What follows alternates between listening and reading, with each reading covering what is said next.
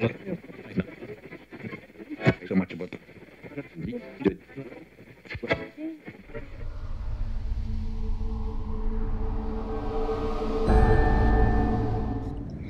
you're hearing the Justice Radio. Di episode kali ini, kita akan mendiskusikan buku yang cukup kontroversial ya.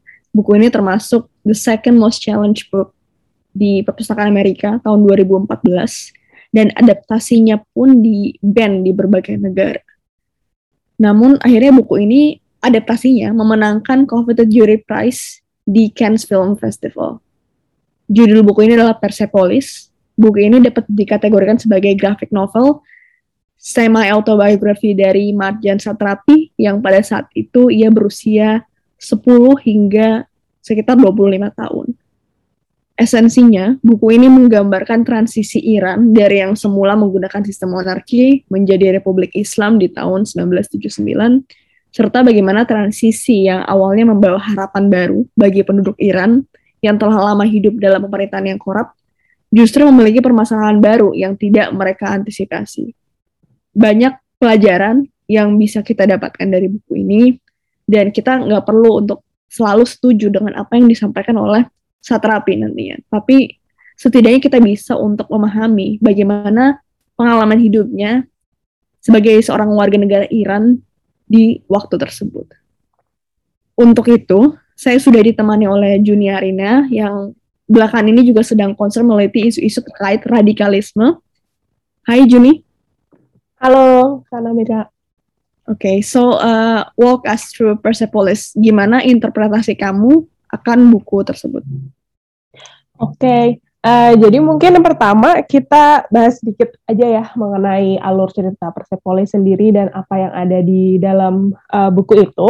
Jadi buat uh, teman-teman semua ini spoiler alert nih untuk yang belum baca atau yang mungkin yang belum nonton filmnya, uh, akan banyak banget nih spoiler-spoiler yang kita obrolin hari ini.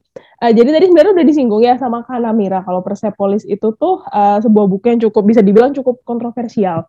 Jadi uh, pertama kali dipublikasikan di Prancis pada tahun 2000 dan kemudian dipublikasikan di uh, dalam bahasa Inggris di tahun 2003.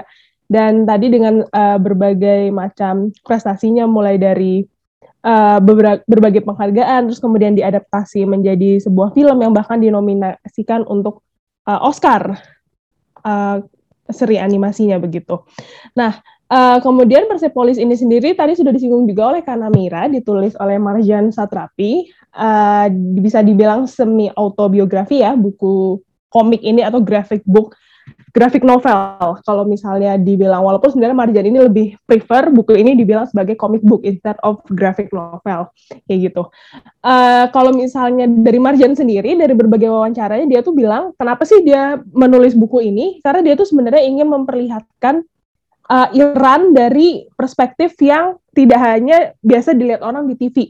Jadi mungkin di TV kan realitas yang diberikan adalah Iran yang fundamentalis, Iran yang penuh dengan berbagai keterbatasan dan yang lainnya dan dia ingin menunjukkan nih wah enggak kalau sebenarnya ada sisi-sisi lain dari masyarakat Iran yang kemudian uh, tidak pernah dilihat oleh uh, publik terutama publik yang selama ini melihat realita-realita yang ditampilkan oleh negara barat mengenai berbagai segala macam keterbatasan itu.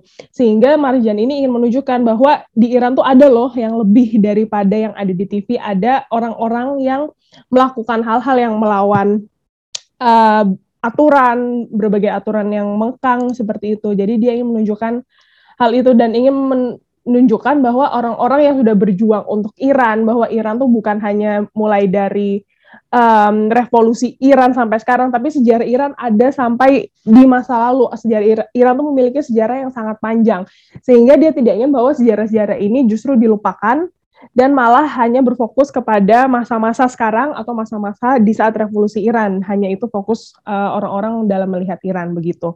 Uh, tadi juga sudah disinggung oleh Kanamira kalau misalnya buku ini tuh awalnya menceritakan mengenai terjadi revolusi Iran. Jadi uh, sekilas aja nih um, pada saat itu Iran tengah dipimpin oleh Raja Muhammad Reza Shah. Sebelum-sebelumnya Iran adalah uh, merupakan sebuah negara dinasti, jadi dipimpin oleh kerajaan-kerajaan. Nah, kemudian sebenarnya pada saat revolusi Iran itu uh, fokusnya sebenarnya bukan untuk membangun sebuah negara Islam. Tapi tadi yang udah disinggung Kak Namira adalah uh, fokusnya untuk melawan pemerintah yang dianggap korup. Karena pada saat itu uh, gaya pemerintahan Muhammad Reza Shah itu sebenarnya dia cukup sekuler ya, cukup modern. Uh, kemudian uh, berupaya untuk memodernisasi negara Iran, kemudian membangun perekonomian, bahkan dia melakukan apa yang disebut White Revolution, yaitu modernisasi top uh, dari top to bottom, pengembangan infrastruktur, uh, peningkatan ekonomi dan yang lainnya. Bahkan bisa dibilang pada saat itu sebenarnya ekonomi pun uh, cukup maju, cukup meningkat di Iran. Namun begitu, uh, yang menjadi masalah adalah pada saat itu karena uh, peningkatan ekonomi dan pengembangan infrastruktur yang terlalu uh, cepat, sehingga muncullah berbagai efek efek negatif dari itu, mulai dari rendahnya lapangan pekerjaan, kemudian uh, justru kesejahteraan yang menurun, korupsi, uh, dan yang lainnya, sehingga mulai muncul demonstrasi dan protes dari masyarakat dan rakyat Iran pada saat itu. Uh, dan kemudian salah satu tokoh yang cukup lantang dalam menyuarakan kritik itu adalah Ayatullah Khomeini. Uh, dia adalah seorang ulama, ulama Syiah di Iran, yang kemudian melawan um, Syah uh, dia mengkritik mengenai kebijakan White Revolution, dia mengkritik mengenai uh, bagaimana dia menganggap bahwa uh, pemerintah itu mengabaikan hak-hak orang miskin dan yang lainnya. Sehingga kemudian uh, beliau diasingkan keluar, namun itu malah uh, menjadi kesempatan bagi beliau untuk berbicara secara lebih bebas, mengkritik uh, Syah secara lebih bebas, sehingga membantu untuk memunculkan berbagai macam protes di dalam negeri selain daripada protes yang sudah dilakukan sebelum-sebelumnya. Sehingga dari tahun 79, 78, 79 itu tuh sangat meningkat sekali jumlah protes yang ada di Iran. Uh, masyarakat mulai uh, bangkit, kemudian mulai melawan berbagai macam opresi, opresi yang dilakukan oleh pemerintah Reza Shah seperti salah satunya ada Safak itu juga disinggung di buku Persepolis yaitu polisi rahasia dari Iran yang sering melakukan penangkapan-penangkapan dan kemudian uh, penyiksaan dan pembunuhan dan yang lainnya. Kemudian juga uh, salah satu kejadian yang menjadi um, titik kemarahan masyarakat pada saat itu ada pembakaran bioskop juga dan itu juga disinggung di Persepolis di mana ada sekitar 400 orang yang meninggal uh, mati terbakar di dalam bioskop tersebut dan terdapat berbagai cerita-cerita bagaimana bioskop itu dibakar oleh Reza Shah atau bioskop itu dibakar oleh pendukung Khomeini dan berbagai hal yang lainnya. Namun begitu itu menjadi salah satu titik tipping point di mana masyarakat mulai kemarahan masyarakat mulai terpicu dan kemudian mereka akhirnya semakin meningkatkan protes itu dan kemudian berakhir dengan uh, perginya Reza Shah uh, keluar dari Iran dan uh, akhirnya tergulingkannya beliau secara resmi begitu. Uh, kemudian pemerintahan itu terdigantikan oleh Ayatollah Khomeini yang kemudian kembali ke Iran dari Prancis dan dia kemudian mendirikan yang disebut dengan Republik Islam di Iran. Nah, di Republik Islam di Iran ini kemudian Ayatollah Khomeini menggunakan uh, doktrin yang disebut Velayat Efaqih, yaitu dia adalah sebuah doktrin dari hukum Islam uh, Syiah karena pemikiran Islam yang ada di Iran itu adalah beraliran Syiah. Uh, jadi di wilayah Al-Faqih ini sendiri uh, ada seorang supreme bisa dibilang ada seorang supreme leader yang memiliki uh, otoritas paling tinggi karena mereka dianggap berpengetahuan memiliki pengetahuan yang paling tinggi mengenai hukum Islam keadilan dibandingkan dengan orang lain. Uh, jadi will of God represented by supreme religious leader, yaitu di sini adalah seorang pemimpin agung uh, dan pada saat itu adalah Ayatullah Khomeini, begitu. Dan kemudian di bawah Ayatullah Khomeini, um, dia mem dia menggulingkan segala macam jenis simbol Barat, simbol-simbol sekuler dan lainnya, dan kemudian beralih ke hukum Islam di bawah doktrin Velayat el-Faqih dan kemudian cerita itu dilanjutkan dengan uh, terjadinya perang Iran-Irak, uh, ada invasi Irak ke Iran pada tahun 80. Nah, kalau misalnya dari itu adalah sekilas mengenai revolusi Iran dan kemudian kalau misalnya kita berfokus sekarang ke alur bukunya, buku ini tuh terbagi bisa dibilang terbagi dari tiga fase ya, tiga fase kehidupan Marji uh, sebagai tokoh utamanya, yaitu pertama adalah uh, permulaan di saat dia hidup di tengah terjadinya revolusi Iran. Mulai dari sebelum terjadinya revolusi Iran hingga uh, terjadinya perang Iran-Irak. dan pada saat itu uh, Marji bisa dibilang dia uh, berumur 10 tahun kemudian dia ada di keluarga upper atau middle class yaitu dari menengah ke atas. Jadi Marji ini sendiri sebenarnya bisa dibilang memiliki akses ke pendidikan, akses ke berbagai pemikiran-pemikiran atau buku-buku yang biasa dikonsumsi oleh um, negara barat, dikonsumsi oleh sekuler dan yang lainnya. Dan kemudian uh, ketika terjadi perang uh, melawan Irak itu uh, Marji itu kemudian melihat berbagai macam realita perang yang terjadi di sekitarnya. Jadi bagaimana pengeboman setiap hari, kemudian uh, ter, apa berjatuhan korban jiwa, martir dan yang lainnya. Dan kemudian dia um, memiliki memiliki apa namanya? Dia kemudian uh, rebel nih, jadinya aduh nggak bisa sebagai seorang remaja dan dia langsung diperlihatkan dengan realitas seperti itu, dia langsung muncul nih sisi rebelliusnya sehingga akhirnya uh, keluarganya kedua orang tuanya itu merasa khawatir kalau misalnya Marji itu mungkin sudah tidak bisa lagi di Iran dia harus pindah ke tempat lain untuk uh, memiliki menjalani kehidupan yang lebih baik dan pendidikan yang lebih baik sehingga akhirnya orang tuanya mengirimnya ke Austria di mana itu adalah menjadi fase kedua dari uh, kehidupan Marji. Nah, kemudian di Austria dia tinggal di sekolah, dia menjalani sekolah-sekolah di Australia di Austria dan bertemu dengan teman-teman baru namun dia mengalami semacam krisis identitas pada saat itu sebagai seorang Iranian sebagai seorang perempuan juga dan yang hidup di di tengah uh, nilai-nilai uh, negara yang sama sekali berbeda dengan Iran sehingga dia di situ mengalami berbagai uh, pergulatan batin dan kemudian uh, bahkan bah, uh, berakhir mengalami depresi begitu sehingga pada akhirnya dia uh, memutuskan untuk kembali ke Iran. Dan ketika dia kembali ke Iran, dia pun mengalami dan menyaksikan perubahan-perubahan yang terjadi di Iran pada saat itu. Uh, yang mana sebenarnya sebelumnya dia pergi pada saat perang dan pada saat dia kembali ke Iran, dia kemudian menyaksikan bagaimana perkembangan Iran selama dia uh, di Austria bagaimana perubahan-perubahan yang terjadi dan dia kemudian Marji ini juga uh, memutuskan untuk melanjutkan sekolah ke Iran, melanjutkan sekolah di bidang seni, bahkan sempat menikah uh, dengan seorang laki-laki dengan uh, suaminya walaupun kemudian dia berakhir uh, dengan perceraian. Uh, dan buku ini kemudian diakhiri oleh keputusan dia untuk secara permanen pindah ke Eropa dan tidak tinggal di Iran lagi karena memang dia sudah merasa um, tidak bisa tidak bisa lagi hidup di Iran. Dia harus pindah ke tempat lain.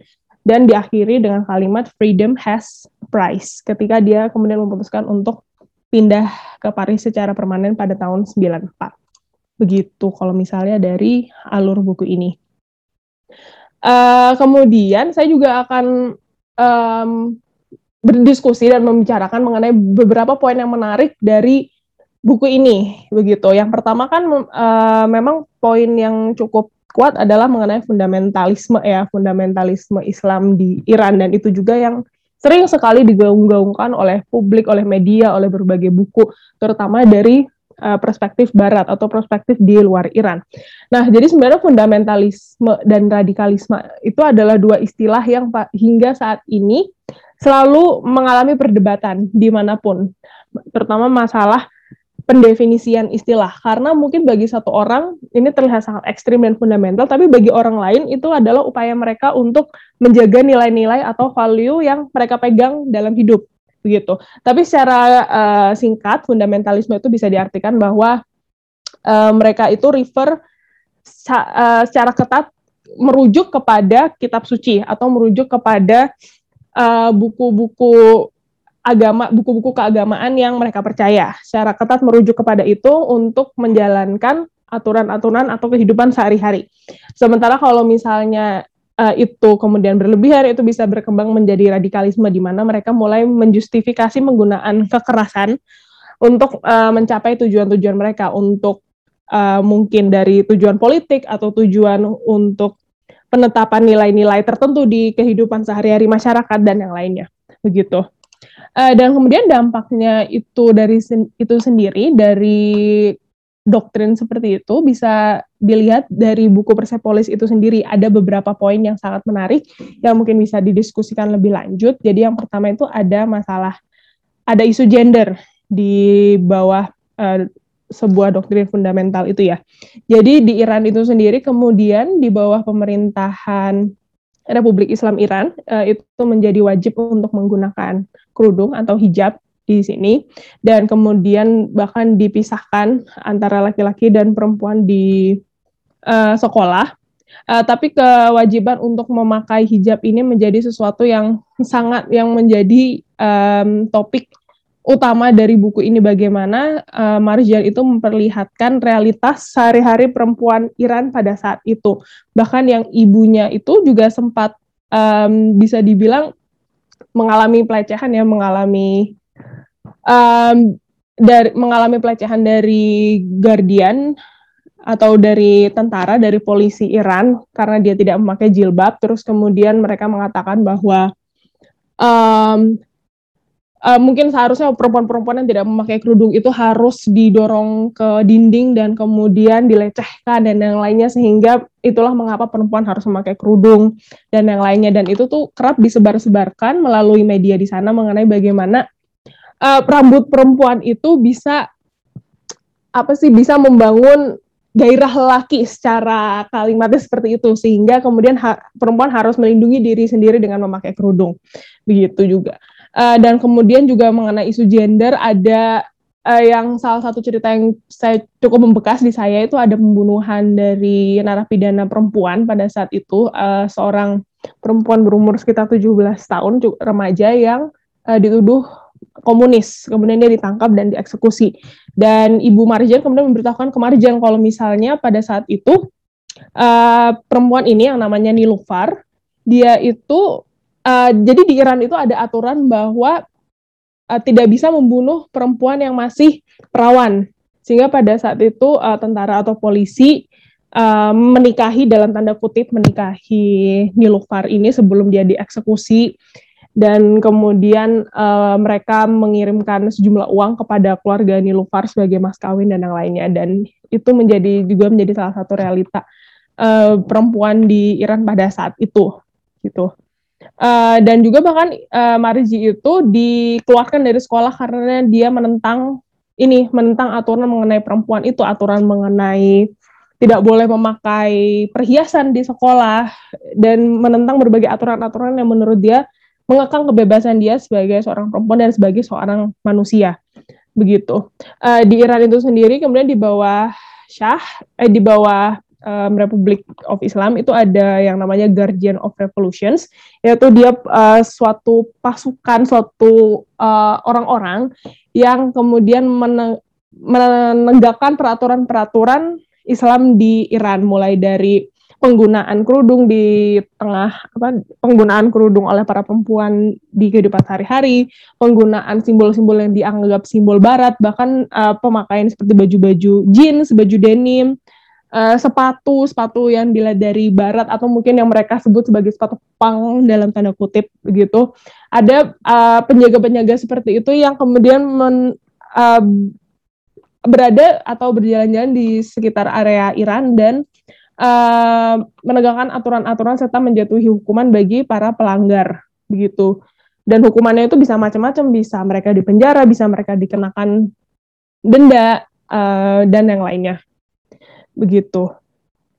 Um, dan itu menjadi topik uh, kebebasan gender ini menjadi topik yang cukup sangat cukup diangkat oleh Marjan dalam bukunya.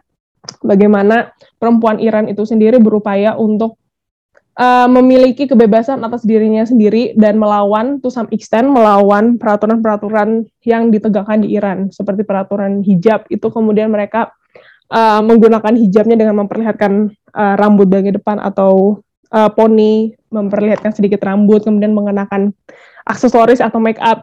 Perlawanan-perlawanan kecil ini yang di-highlight oleh Marjan untuk menunjukkan bahwa ada loh, ada loh yang dilakukan oleh uh, masyarakat Iran, oleh perempuan-perempuan Iran untuk melawan uh, peraturan-peraturan dari pemerintah. Begitu, walaupun uh, ya, menurut Marjan juga uh, dan dari dialog-dialog di dalam buku ini itu masih cukup mengekang. Kalau misalnya uh, apa yang mereka lakukan itu hanya sebagian kecil, tapi masih keadaan itu tuh tidak ideal bagi perempuan untuk tinggal dan untuk berkembang dan terutama um, kebebasan itu begitu.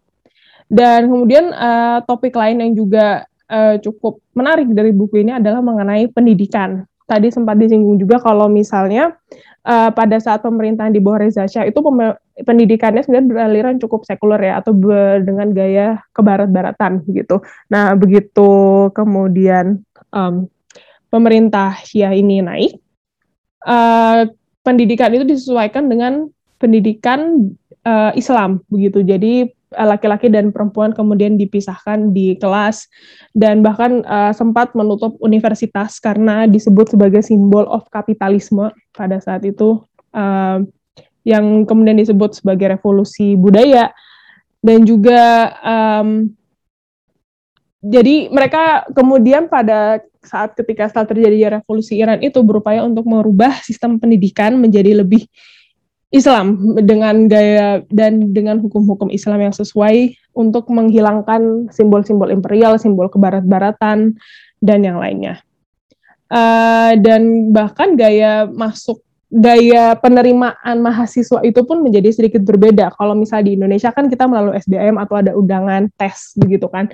Tapi kalau misalnya di Iran itu sendiri pada saat itu uh, mereka harus ada semacam wawancara, mungkin bisa dibilang wawancara dengan uh, ulama yang ada di universitas itu uh, mengenai hukum Islam, mengenai uh, baga- apakah kamu tahu cara beribadah terus um, apakah kamu memakai kerudung dan yang lainnya bahkan ada gaya itu sendiri. Dan uh, jadi tidak hanya tes biasa tapi juga ada wawancara seperti itu di sistem pendidikan mereka pada saat itu. Dan kemudian yang menarik juga kan Marjan ini tuh uh, pada saat itu adalah seorang mahasiswa di Fakultas Seni begitu ya. Tapi cara mengajar dan cara pendidikan di Fakultas Seninya itu sendiri juga sangat menarik di mana uh, mereka seharusnya melukis seorang perempuan, tapi perempuan itu kemudian memakai kerudung, memakai hijab uh, di jubah panjang sehingga kemudian mereka ya tidak bisa melukis apa-apa, hanya bisa melukis kain yang ada di luarnya begitu. Sehingga kemudian mereka uh, Marjan bersama beberapa temannya uh, berinisiatif untuk mengundang uh, orang untuk kemudian dilukis di rumah masing-masing dan ditunjukkan oleh ditunjukkan ke dosen mereka yang sebenarnya cukup mengagetkan kalau dosen mereka ini uh, cukup terbuka ya dengan apa yang mereka lakukan begitu. Uh, dan juga selain pendidikan yang juga menarik untuk didiskusikan adalah uh, mengenai kehidupan sosial dan gaya hidup pada saat itu. Uh, yang terutama tadi uh, sempat disinggung di bagian gender adalah perubahan fashion. Fashion uh, perempuan tuh sangat berubah, kemudian laki-laki juga ada beberapa yang kemudian uh, mengikuti gaya hukum Islam begitu. Uh, tapi juga uh, di bawah pemerintahan Syiah ini kan di bawah pemerintahan Republik Islam Iran ini uh, melarang party ya, melarang pesta dan lainnya. Tapi Marjan dan bahkan dengan keluarganya juga uh, bersama dengan berbagai masyarakat-masyarakat uh, Iran lain yang juga menentang pemerintahan itu tetap melaksanakan pesta-pesta ini berbagai pesta kemudian bersenang-senang di rumah bahkan minum alkohol uh, dan yang lainnya dan uh, walaupun terdapat bayang-bayang um, bahwa mereka akan ditangkap bahwa uh, akan datang penjaga-penjaga revolusi ini uh, polisi tentara ke rumah yang kemudian uh, memergoki mereka menangkap mereka sedang berpesta dan akhirnya bisa berakhir di penjara atau didenda dan yang lainnya. Uh, selain daripada itu apa namanya uh, berbagai pelanggaran dalam tanda kutip ya pelanggaran aturan yang dilakukan oleh eh, orang-orang uh, yang menentang pemerintah uh, tapi represi dari rejim ini tuh juga cukup kuat ya uh, bahkan sebenarnya sang, cukup ironi karena sebelumnya mereka melawan Reza Shah itu kan karena berbagai represi yang mereka yang dilakukan di bawah pemerintahan Reza Shah ya penangkapan, penyiksaan dan yang lainnya. Dan kemudian terjadi revolusi Iran, kemudian mereka mengira oh kita sudah terbebas dari pemerintahan yang uh, diktatorship ini. Nah, tapi justru di bawah pemerintahan yang baru, di bawah pemerintahan Republik Islam Iran itu tuh juga tetap terjadi berbagai represi ini uh, mulai dari eksekusi orang-orang yang melawan rezim, kemudian uh, penangkap berbagai penangkapan orang-orang yang melanggar peraturan, termasuk tadi yang sudah disinggung adalah penangkapan uh, perempuan yang tidak memakai kerudung dan yang lainnya. Dan kemudian muncullah, uh, oleh karena itu muncullah berbagai uh, pasar gelap ya, pasar gelap atau penyelundupan barang-barang yang dianggap sebagai simbol Barat. Uh, kalau misalnya di cerita Marjan itu cukup menarik, di mana kedua orang tuanya liburan ke Turki pada saat itu, terus kemudian menyelundupkan berbagai permintaan Marjan mulai dari um, souvenir Michael Jackson, sepatu Nike, uh, jaket denim dan yang lainnya. Dan itu tuh bahkan terjadi juga di seluruh penjuru Iran, di mana banyak sekali orang-orang atau penyelundup di pasar gelap yang menjual uh, simbol-simbol uh, seperti itu secara diam-diam karena uh, memang hal-hal tersebut dilarang di bawah Iran. Dan bahkan kemudian di bawah um, pemerintah Republik Islam ketika Marjan kembali ke Iran dari Austria, uh, dia kemudian melihat lagi nih potret potret uh, Iran dari sebelum dia ditinggalkan. Um, dengan hal-hal yang sebenarnya tidak terlalu jauh berbeda ya uh, kebebasan perempuan juga masih terbatas uh, masih ada kewajiban memakai kerudung dan yang lainnya juga begitu. Uh, dan juga yang menarik adalah ada juga larangan mengenai uh, terhadap pasangan yang belum nikah atau larangan terhadap pacaran di depan umum gitu. Sehingga pada saat itu Marji dan uh, pacarnya atau calon suaminya pada saat itu Reza uh, harus diam-diam dalam berpacaran. Kalau misalnya tidak ingin ditangkap dan didenda atau bahkan dipenjara atau dijatuhi hukuman yang lain begitu. Um, dan itu juga menjadi uh, fokus mengenai pasangan ini bahwa ada hak-hak yang dimiliki oleh uh, suami tapi tidak dimiliki oleh istri. Kalau misalnya tidak salah uh, pada saat itu ayah Marjan bilang uh, hak untuk bercerai itu tidak dijamin di bawah hukum negara dan baru diizinkan kalau misalnya uh, suaminya itu memberikan izin kepada istrinya untuk bercerai dan itu menjadi salah satu poin juga yang memperlihatkan bagaimana terjadi perubahan uh, struktur sosial kehidupan sosial serta gaya hidup yang ada di Iran di bawah pemerintahan Republik Syiah begitu. Dan itu juga berkaitan dengan kebebasan pers. Karena uh, Marjan pada saat dia sedang sekolah dia juga bekerja di suatu uh, surat kabar. Dan pada saat itu pun uh, Marjan memperlihatkan nih di bukunya kalau misalnya terjadi penangkapan terhadap ilustrator-ilustrator koran ataupun terjadi uh, censorship yang cukup kuat ya di surat kabar di bawah pemerintahan rezim pada saat itu uh, apabila dilihat bahwa ilustrasi atau hal-hal yang ditampilkan di media massa itu kemudian menyinggung ataupun mungkin mengkritik dan menghina uh, para pemimpin di pemerintah pada saat itu. Begitu. Um, dan itu uh, sebenarnya poin-poin yang cukup menarik yang diangkat oleh Marjan di bukunya. Uh, Marjan itu sendiri dia sangat-sangat dalam berbagai interview yang dia lakukan, berbagai wawancara, dia itu sangat-sangat menekankan bahwa uh, ini adalah isu terbesar menurut dia adalah adanya sistem patriarki yang sangat kuat di Iran, yang kemudian didukung oleh adanya hukum uh, konservatif Islam di situ, dan kemudian yang mengakibatkan rendahnya tingkat partisipasi perempuan di pendidikan. Padahal menurut dia pendidikan itu adalah salah satu cara yang paling utama yang bisa mengeluarkan perempuan, yang bisa memberikan kebebasan ataupun power bagi perempuan untuk uh, bisa berjuang untuk dirinya sendiri, bisa melawan peraturan, bisa uh, memiliki kebebasan dan sebagainya, begitu. Um, dan tapi dia juga Marjan juga pada di interviewnya itu menggarisbawahi bahwa uh, sekarang mulai ada perkembangan nih, sekarang mulai ada peningkatan jumlah partisipasi perempuan di mana dia pada saat itu menyinggung 70% uh, siswa di Iran itu adalah perempuan. Yang kemudian uh, memberikan dia harapan bahwa mungkin mungkin uh, walaupun perubahan itu lama dan sulit untuk dilakukan tapi akan ada harapan di masa depan bahwa akan ada situasi yang lebih baik di Iran bagi masyarakat ya bagi kebebasan masyarakat terutama perempuan bagi pendidikan bagi sistem sosial dan politik dan yang lainnya begitu. Uh, dan terus kemudian untuk uh, saya coba mengakhiri uh, ulasan singkat saya tentang buku ini itu sendiri um, jadi sebenarnya fundamentalisme itu apakah berbahaya? Begitu ya. Uh, kalau misalnya menurut pandangan saya pribadi sih uh, segala sesuatu yang berlebihan itu berbahaya ya.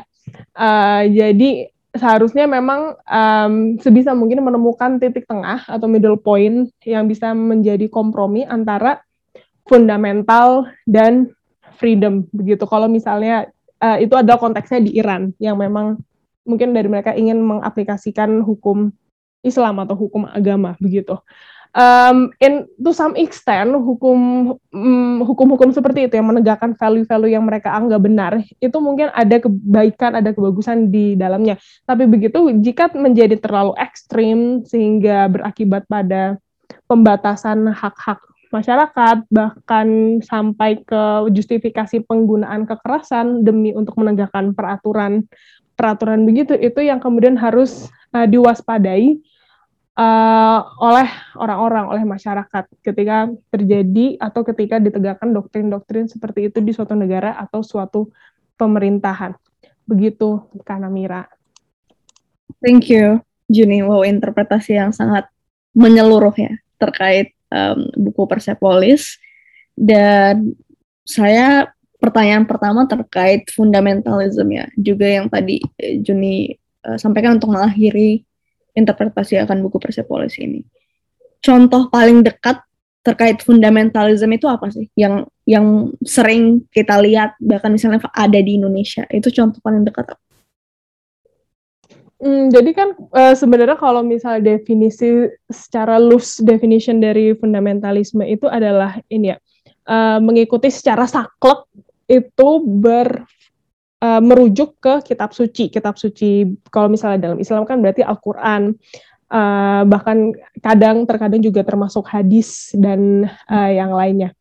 Uh, kalau misalnya uh, kita mengambil definisi seperti itu ya meru yaitu merujuk kepada kitab suci dan juga um, interpretasi hukum Islam secara ketat itu mungkin bisa dilihat salah satunya di Aceh ya di Provinsi Aceh se sebagai satu-satunya provinsi atau daerah di Indonesia yang menegakkan uh, hukum syariah begitu.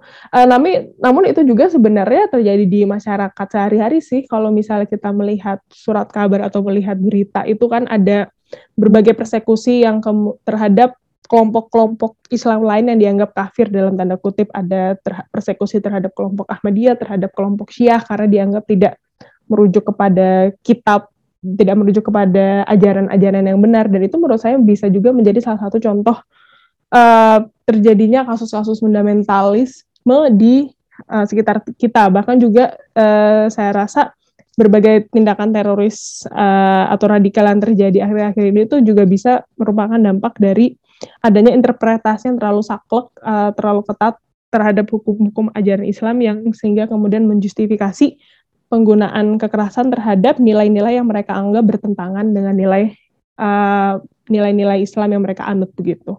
Hmm. Borderline antara fundamentalism dan radikalisme tadi juga uh, disampaikan oleh Juni. Kalau terkait seperti yang terjadi di Aceh, itu kalau di level state dinamakan teokrasi ya, seperti yang hmm. terjadi um, Iran, di mana religious leader dia menjadi head of state Betul.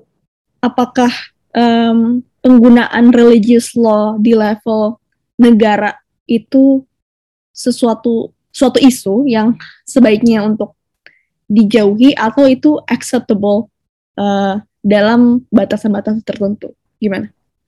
Oke, okay. ini sebenarnya menjadi perdebatan yang cukup menarik yeah. ya, yang dan, dan juga cukup banyak sekali dilakukan di uh, masyarakat pada saat ini mengena, pertanyaan mengenai apakah hukum Islam itu atau hukum negara secara lebih luas itu bisa disatukan dengan hukum pemerintah dengan uh, apa namanya cara melaksanakan pemerintahan demokrasi dan yang lainnya. Dan ini sebenarnya bahkan bukan nggak cuma terjadi di Islam kan ya, sebelumnya juga terjadi di Eropa gitu pada saat uh, gereja sangat berkuasa di pemerintahan, uh, sangat berkuasa terhadap urusan negara yang kemudian uh, juga mengakibatkan terjadinya berbagai revolusi dan penentangan terhadap hal tersebut. Dan um, sebenarnya saya sendiri juga tidak tidak memiliki jawaban yang pasti ya mengenai itu kalau dari sudut pandang saya sendiri. Karena saya sendiri juga masih uh, berpikir masih berusaha juga untuk uh, menganalisis apa yang terjadi. Uh, karena di beberapa negara pada saat ini kan memang diterapkan teokrasi ya terutama di bagian di daerah uh, Timur Tengah. Iran juga Saudi Arabia uh, menjadi salah satunya. Dan bahkan sekarang mungkin Afghanistan tengah menuju ke uh, teokrasi atau pemerintahan dengan hukum syariah ya. Um, to some extent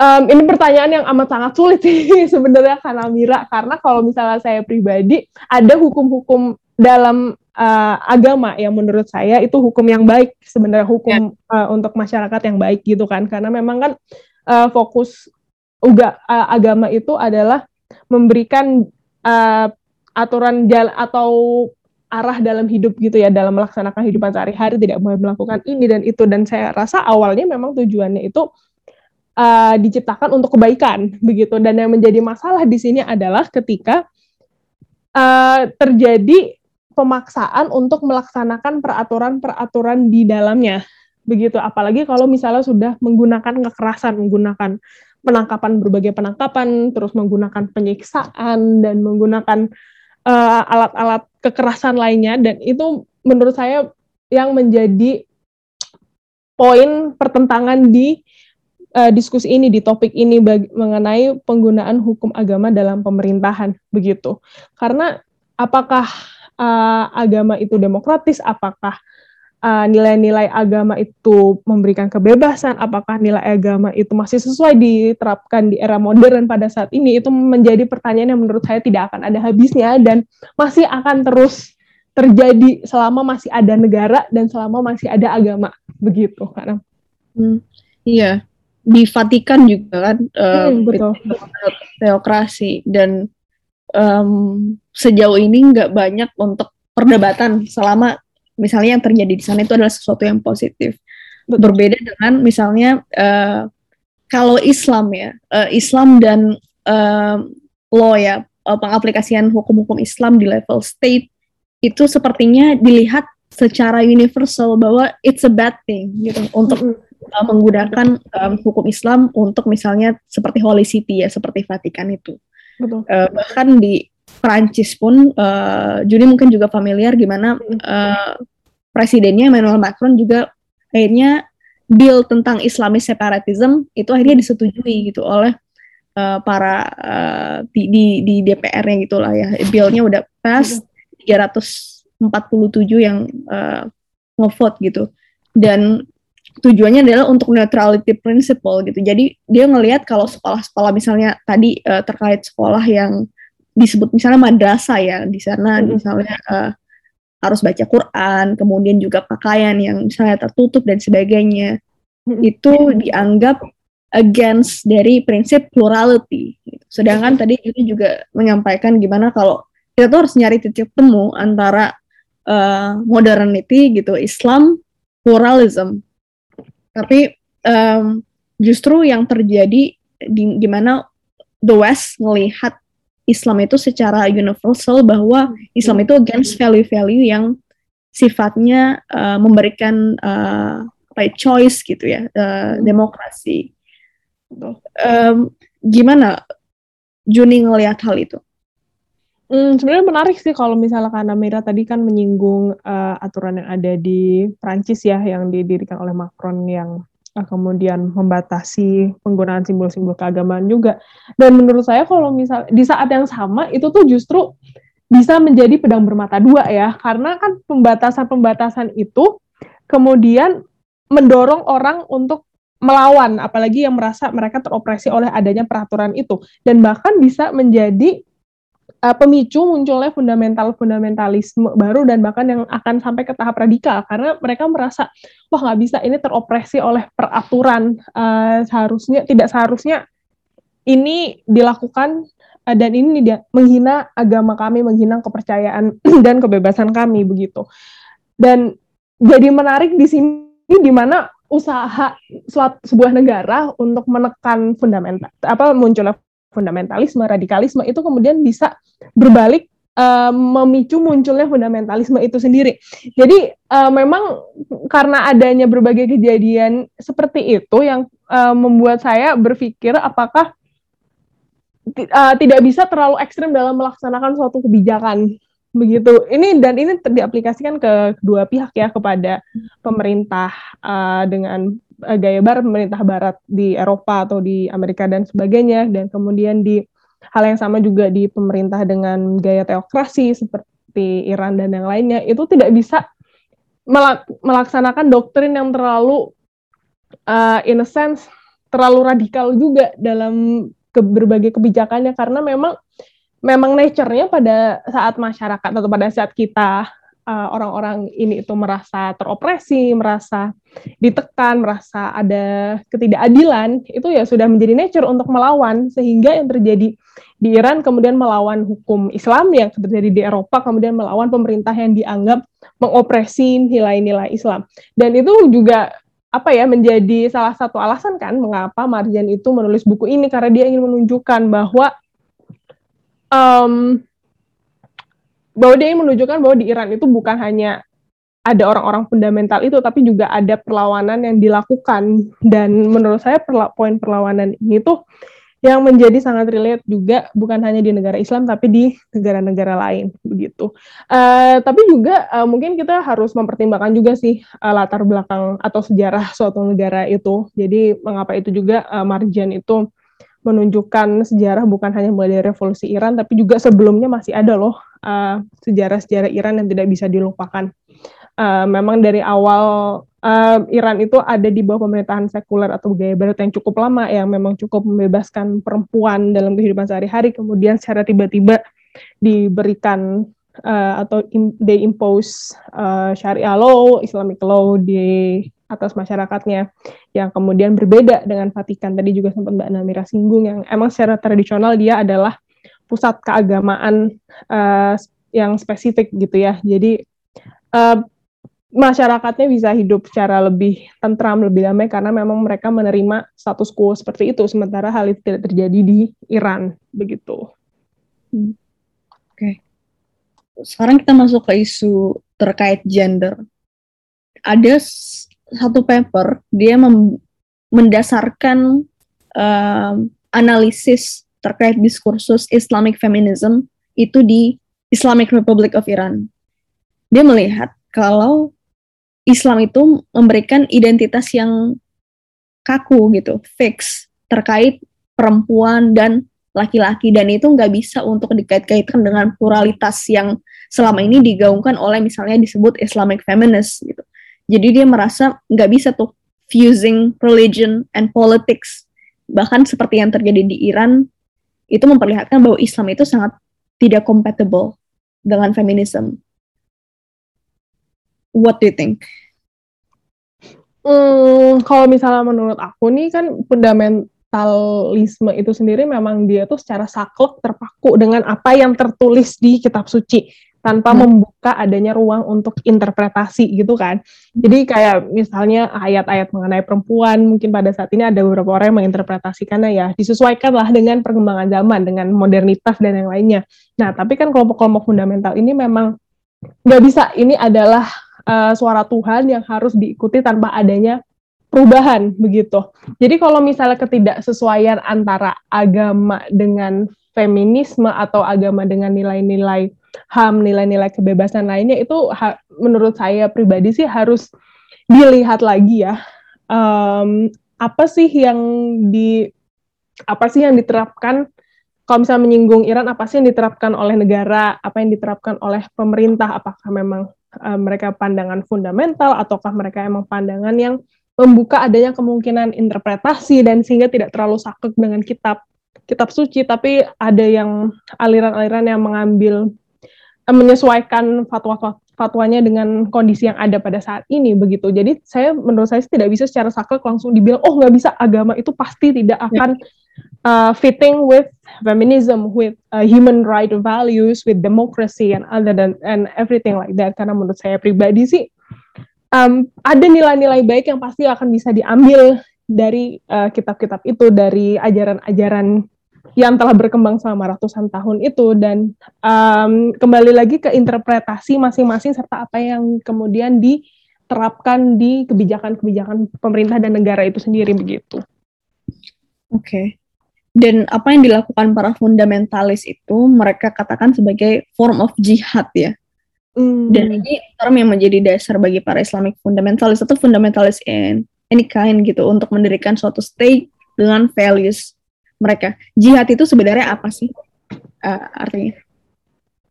Um, nah ini juga menjadi salah satu poin perdebatan ya mengenai jihad selama hampir 10 tahun terakhir ini apa menjadi uh, memiliki suatu sentimen yang negatif sekali jihad ini karena selalu dikaitkan dengan terorisme dan lainnya. Padahal kan mungkin ada beberapa orang dan saya pribadi juga uh, mempercayai kalau sebenarnya jihad itu melakukan sesuatu demi uh, memperjuangkan sesuatu demi kebaikan begitu kan. Uh, dan itu bisa dilakukan dengan berbagai hal misalnya dengan pendidikan dengan belajar uh, dengan berbuat baik itu saja sudah cukup. Sementara beberapa orang yang lain tuh menginterpretasikan ini menjadi sangat negatif menjadi sangat uh, menjurus kepada menggunaan kekerasan dan yang lainnya uh, begitu ya. Dan uh, saya juga setuju sih tadi sebenarnya sama yang singgung Kak Namira. Kalau misalnya para fundamentalis ini tuh saya teringat apa yang pernah dikatakan oleh Ali Khamenei, uh, pemimpin hmm. agung Iran pada saat ini, yang dia bilang, yang dia justru mempertanyakan nih kenapa orang-orang menyematkan dan berpandangan begitu negatif kepada fundamentalisme Islam. Dia bilang padahal kan uh, dia uh, mereka pemerintah itu hanya ingin menegakkan value-value yang bagi mereka benar gitu. Jadi ini kan kembali lagi ke pandangan dan persepsi masing-masing individu ya mengenai apa sih sebenarnya kebenaran, apa nilai-nilai yang uh, harusnya dianut begitu. Karena bagi mereka sendiri ya ini bukan sesuatu yang buruk. Ini saya hanya bermaksud untuk menegakkan hukum Tuhan di sini, ingin menegakkan kebaikan, menyebarkan kebaikan. Sementara bagi orang-orang lain mungkin uh, yang memiliki perspektif berbeda gitu, seperti Marjan atau orang-orang masyarakat yang lain melihat bahwa nggak bisa ini tuh sudah melanggar kebebasan atau melanggar nilai-nilai lain yang berbeda dan berlawanan dengan yang diyakini oleh pemerintah begitu. Oke. Okay. Um, menyinggung sedikit terkait tadi yang Juni sampaikan terkait uh, statement dari Ayatullah Khomeini.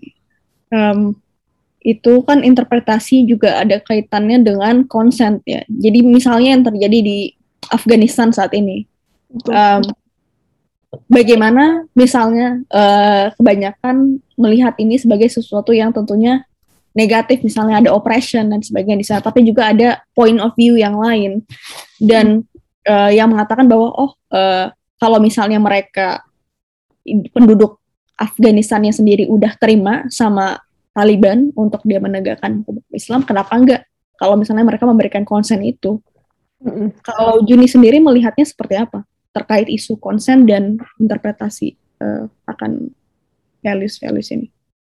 Hmm, sebenarnya menarik sih mengenai konsen ini karena saya teringat di buku Marjan itu sendiri disinggung uh, dan kalau tidak salah juga disinggung kalau misalnya uh, pada saat revolusi itu pada saat pemerintah Syah sudah uh, digulingkan uh, diadakan referendum diadakan vote di yeah. Iran mengenai apakah mereka ingin menggunakan sistem hukum Islam atau tidak dan 90% itu menjawab mereka pengen memakai sistem itu walaupun hmm. kemudian ayah Marjan uh, bilang ah siapa ini yang milih uh, nggak mungkin ini mungkin bisa yeah. di, bisa aja di ada-adakan oleh pemerintah gitu kan hasil votingnya nah ini juga menjadi poin yang um, cukup menarik sih ya untuk didiskusikan karena kan harus dilihat lagi nih mungkin pada saat itu konteksnya ya udah sedang bersukaria dan apalagi pada saat itu uh, Khomeini itu sendiri bilang uh, mereka akan menetapkan sistem demokrasi, mereka akan membuka kesempatan untuk voting dan berbagai uh, hal lainnya gitu kan. Dan itu uh, menurut saya mirip sekali dengan apa yang apa yang terjadi di Afghanistan pada saat ini karena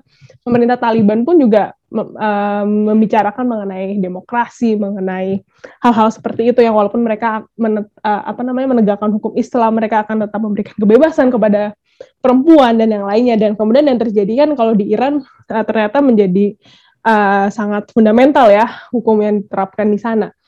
Nah um, ini tuh menjadi isu yang sangat uh, apa ya sangat sulit sih karena eh, kan akan terjadi perubahan-perubahan ya di ini uh, hmm. ketika berjalannya pemerintahan ketika diterap mulai diterapkan berbagai kebijakan mungkin pada saat ini pada saat sekarang ini masyarakat melihat oh uh, it, it it might it might be not that bad gitu. Mungkin tidak akan terlalu buruk ya uh, penerapan ini karena melihat oh uh, mungkin mereka sudah berubah mungkin uh, mereka berbeda dengan uh, Taliban yang 20 30 tahun 10 tahun yang lalu begitu kan. Dan ini yang harus diwaspadai benar-benar sih uh, karena sekali itu sudah diterapkan akan sangat sulit untuk merubah sistem kecuali secara dramatis kecuali melalui revolusi lagi melalui peperangan melalui hal-hal yang sangat uh, drastis begitu.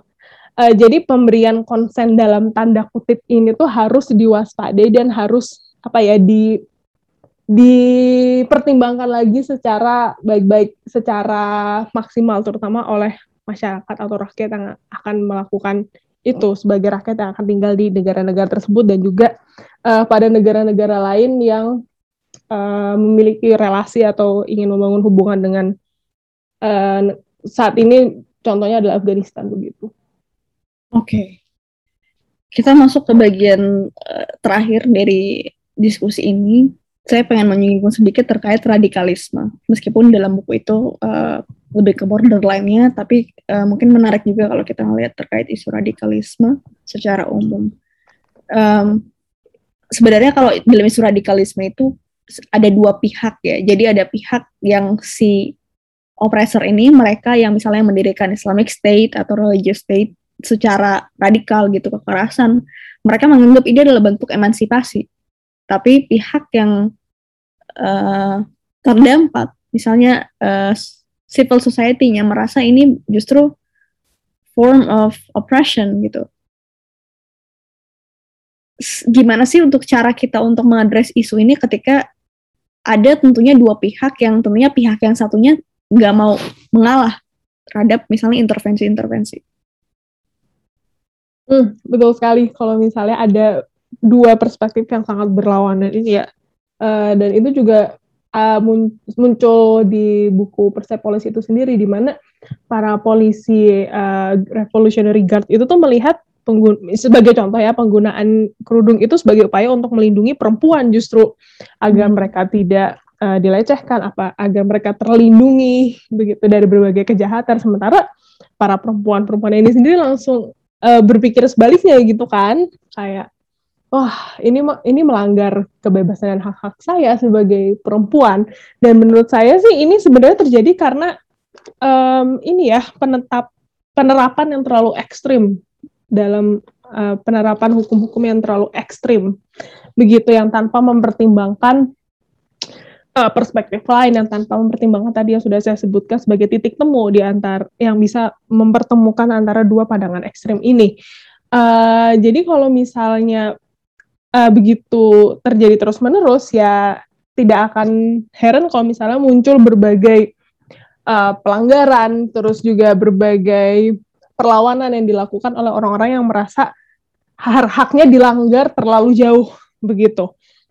Uh, jadi uh, sekali lagi sih memang harus menemukan balance antara hukum yang ingin ditegakkan uh, juga dengan konstituennya ya, dengan civil society, dengan masyarakat, dan juga mungkin yang penting adalah caranya gitu, karena kan memang kalau misalnya di beberapa negara itu cara yang dilakukan sangat sangat sangat menggunakan kekerasan ya, menggunakan penjara, menggunakan hard law gitu lah bisa dibilang, uh, dan itu juga mm, pasti akan menimbulkan kemarahan dan rasa rasa tidak suka dari masyarakat yang merasa uh, apa hak yang mereka ini miliki sampai bisa menggunakan sampai bisa menyakiti dan menggunakan kekerasan seperti itu. Jadi sekali lagi memang harus ditemuk, ditemukan balance antara kalau misalnya memang ingin menerapkan hukum agama atau hukum Islam ya di suatu negara begitu uh, harus menemukan balance yang tepat begitu dan tidak pernah resort to radikalisme atau uh, penggunaan kekerasan karena memang kan ada juga yang namanya state radicalism gitu kan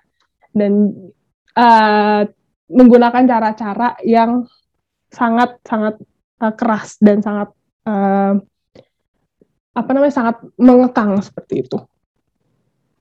Oke, okay. um, Juni tentunya udah banyak bekerja gitu meneliti terkait deradicalization ya. Juni bisa cerita sedikit terkait effort-effort yang bisa untuk dilakukan untuk tackling isu-isu terkait ini radikalisme. Um, kalau misalnya untuk radikalisme secara spesifik ya misalnya kita uh, berbicara tentang radikalisme yeah. di yes. uh, terutama yang berkembang di masyarakat itu kan akan sangat susah ya karena uh, kalau misalnya dari berbagai penelitian tuh radikalisme muncul bukan dari satu uh, jalur saja gitu tapi ada berbagai banyak sekali faktor-faktor yang bermain dari munculnya uh, radikalisme atau munculnya pemikiran radikal dalam diri seseorang dan itu tuh berbeda dari satu orang ke orang lain sangat uh, menyesuaikan dengan konteks dan latar belakang bisa saja di satu orang itu muncul pemikiran radikal dan ekstrem itu dari um, isu ekonomi misalnya.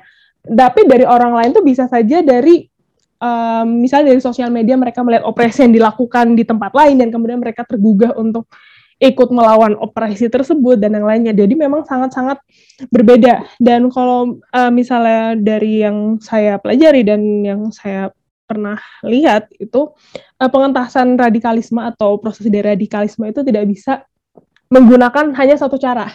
Itu tidak bisa juga uh, dari big view sehingga benar-benar harus menyasar secara spesifik mungkin tidak satu ke satu per satu individu ya tapi kemudian bisa melihat secara uh, umum apa apa sih faktor-faktor yang mengakibatkan uh, munculnya radikalisme di negara? Atau bahkan mungkin secara lebih spesifik di wilayah tertentu kemudian uh, mungkin ada suatu jaringan atau suatu circle yang uh, kemudian memang berperan dalam penyebaran nilai-nilai radikal atau mungkin memang dia uh, berasal dari keluarga yang broken home sehingga peran keluarga tidak kuat dan kemudian yang harus dilakukan adalah uh, memperkuat sistem keluarga, memperkuat sistem RT, memperkuat sistem masyarakat di sekitarnya. Jadi memang itu tuh harus disesuaikan dengan konteks-konteks yang sangat spesifik uh, dan juga tidak bisa digeneralisir dari satu negara ke negara lain bahkan secara spesifik ke wilayah karena apa yang terjadi di Indonesia itu pasti sangat berbeda dengan konteks yang terjadi di Eropa munculnya radikalisme di Eropa karena di Eropa itu sendiri memang berakar uh,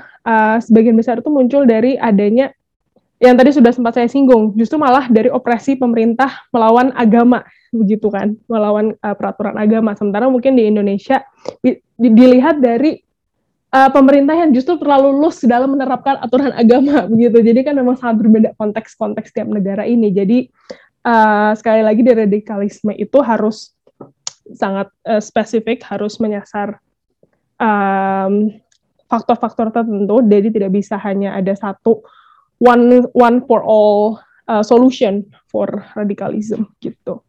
Hmm.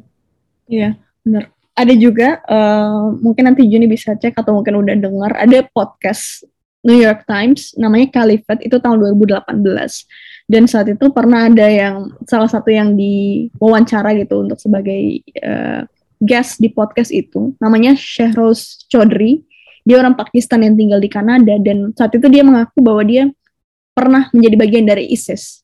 Dan dia pernah uh, ke Syria gitu untuk untuk ikut dalam uh, on the forefront gitu ya untuk untuk membela Islam gitu secara radikal. Dan itu jadi sesuatu yang besar saat itu karena dia saat itu merupakan warga negara Kanada. Dan ternyata setelah diteliti lebih jauh lagi ternyata itu semua bohong gitu it's hoax. Itu uh, justru dia melakukan itu karena dia merasa itu adalah sesuatu yang revolutionary kalau misalnya dia mengakui itu adalah dirinya dan itu memberikan a sense of identity terhadap dia. Jadi kadang orang melihat perilaku perilaku radikal itu as something cool gitu. Jadi um, bahkan Betul. orang nggak nggak itu ya nggak nggak terlibat pun ingin menjadi bagian dari itu secara tidak langsung ya. Um, Iya. Yeah. Um, Juni apakah dalam risetnya atau dalam uh, intervensi misalnya yang pernah dilakukan pernah menemui hal-hal serupa misalnya di Indonesia? Hmm, kalau misalnya itu mungkin ada satu kasus ya kalau misalnya berkaitan dengan uh, bergabung dengan ISIS yang saya ingat itu um, saya agak lupa namanya kalau tidak salah Dania. Hmm, jadi dia itu terpapar uh, radikalisme dan mulai muncul keinginan untuk pergi ke Suriah itu tuh karena dari sosial media awalnya dia yeah. um, memiliki awalnya memang memiliki ketertarikan dengan isu-isu ini dan kemudian dia um, mengakses sosial media dan melihat wah uh, di Suriah nih akan diterapkan ini nih diterapkan hukum Islam dan uh, mereka menjanjikan berbagai kehidupan yang lebih layak dan lebih baik uh, dibandingkan di Indonesia mereka akan diberi pekerjaan, mereka akan hidup di bawah hukum-hukum Islam yang baik dan masyarakat yang uh, sejahtera dan yang lainnya. Sehingga dia kemudian um, um, berhasil bahkan berhasil mengajak dan meyakinkan keluarga-keluarganya berapa ya waktu itu kalau nggak salah 50 sekian berapa anggota keluarganya untuk pergi bersama-sama ke Suriah begitu. Dan ketika sampai di sana justru kenyataan yang terjadi kan sangat berlawanan ya dengan apa yang mereka tampilkan di uh, koran menurut pengalaman Dania pada saat itu di mana dia uh, melihat kekerasan yang terjadi dan kemudian adanya ketidaksinkronan antara apa yang mereka janjikan dengan apa yang mereka benar-benar akhirnya berikan gitu pada saat sampai di sana. Sehingga dia kemudian uh, memutuskan untuk berupaya kembali ke Indonesia bersama keluarga-keluarganya gitu yang uh, semua keluarganya yang dia bawa ke sana kembali ke Indonesia dan kemudian uh, justru di sini uh, aktif untuk menyebarkan uh, pengalaman dia dan bercerita mengenai pengalaman dia untuk memperlihatkan bahwa that's an uh, that's an illusion gitu bahwa apa yang uh, terjadi di sana tidak seperti yang mereka janjikan bahwa ada janji-janji ada hal-hal uh, yang mereka mereka um, berikan atau akan mereka berikan dengan maksud untuk merekrut orang-orang seperti itu. Dan dia juga termasuk salah satu orang yang sangat getol menyampaikan mengenai bahaya radikalisme, bahaya ekstremisme, bahaya ISIS dan yang lainnya. Dan itu menurut saya cerita yang cukup menarik ya bagaimana eh, pada karena pada saat itu dia juga masih sekolah, masih SMA kalau tidak salah gitu hmm. ya. Dan dia berhasil membawa itu uh, ke keluarga-keluarganya dengan jumlah yang sangat banyak untuk bersama-sama hijrah ke ISIS dan tapi kemudian kembali ke Indonesia lagi begitu. Hmm. Menarik banget dan kayaknya ini diskusinya nggak bakal nggak bakal selesai ya karena uh, saling terkait satu sama lain dan uh, essentially pesan yang disampaikan di Persepolis adalah how to pursue the, the right to live as human beings seperti itu. Yes. Um, terakhir mungkin Juni bisa menyampaikan satu message yang pengen Juni sampaikan. Um, sebenarnya saya terta, uh, cukup menarik ya apa yang disampaikan Malijan di akhir bukunya Freedom has a price gitu dia bilang. Kem jadi uh, apakah freedom atau suatu kebebasan itu memang tidak mutlak? Apakah memang ada yang harus dikorbankan demi mendapatkan kebe dalam tanda kutip kebebasan seutuhnya sebagai seorang manusia ya, mendapatkan kebebasan dalam uh, menjalani hidup dalam uh, menjadi seorang manusia begitu uh, dan menurut saya kebebasan kebebasan itulah yang uh, memang harus diperjuangkan demi menjadikan uh, diri kita masing-masing itu sebagai seorang manusia yang seutuhnya. Jadi jangan pernah takut untuk memperjuangkan kebebasan walaupun itu memang memiliki harganya sendiri dan yang juga disampaikan oleh uh, Marjan di salah satu interviewnya adalah you cannot answer to the stupidity by stupidity, you cannot answer to violence by violence gitu. Jadi sangat penting untuk kita step back and review apa yang sebenarnya terjadi dan apa message uh, yang ada di situ. Dan uh, thank you very much Juni udah bersedia untuk menjadi guest untuk mendiskusikan uh, Persepolis dan hopefully yang dengar dan belum baca Persepolis akan tergerak untuk membaca buku ini because it's so enlightening.